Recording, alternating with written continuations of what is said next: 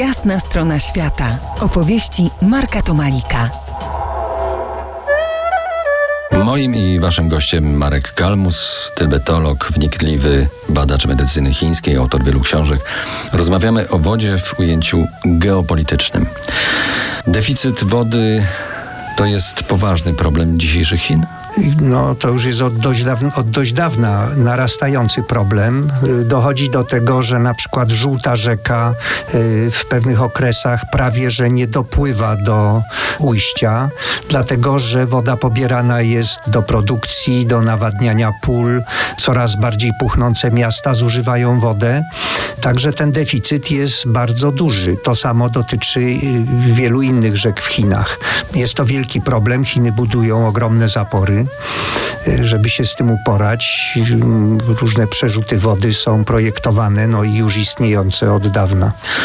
Czy w czasie Twoich podróży było Ci dane obserwować już te problemy? Znaczy ja akurat nie byłem w rejonach tych, gdzie powiedzmy jest do, gdzie Huangho wypływa do morza, więc tego akurat nie widziałem. Natomiast to, co zauważam, to to są problemy związane na przykład z opadami monsunowymi, gdzie w wyniku wycięcia y, dawnych, wielkich, starych drzewostanów y, w Himalajach i na północy, w południowym Tybecie, gwałtowne opady deszczu zmywają bardzo szybko warstwę gleby nie wsiąkają w próchnicę, która dawniej była.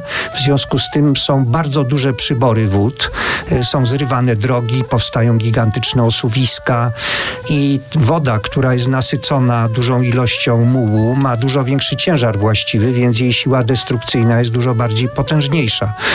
Te wielkie powodzie, które co pewien czas słyszymy, że mają miejsce w Bangladeszu, czyli u ujściu Brahmaputry, to jest między innymi wynik tego.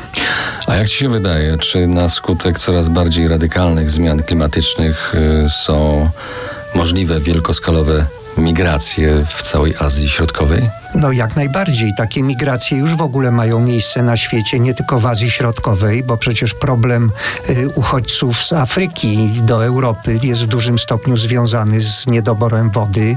Wojna syryjska też według y, politologów w dużym stopniu wybuchła z tego powodu, że przez wiele lat była susza, y, ludzie nie mieli wystarczającej ilości wody, to miało wpływ na gospodarkę i napięcia społeczne.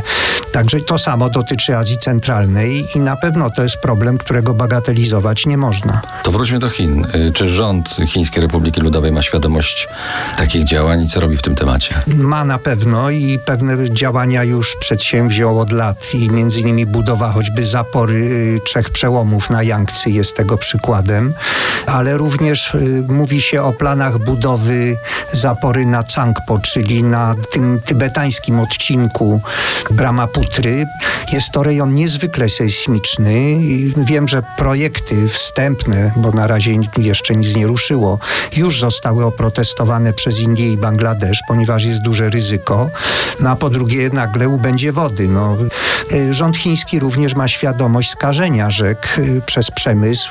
W tej chwili wprowadzane są bardzo silne projekty, y, bardzo tak radykalne projekty związane z ochroną środowiska. Za niejaki kwadrans powrócimy do rozmowy, pozostając zanurzeni w temacie wody, choć nie już w samych Chinach. Zostańcie z nami po jasnej stronie świata. To jest jasna strona świata w RMS Classic.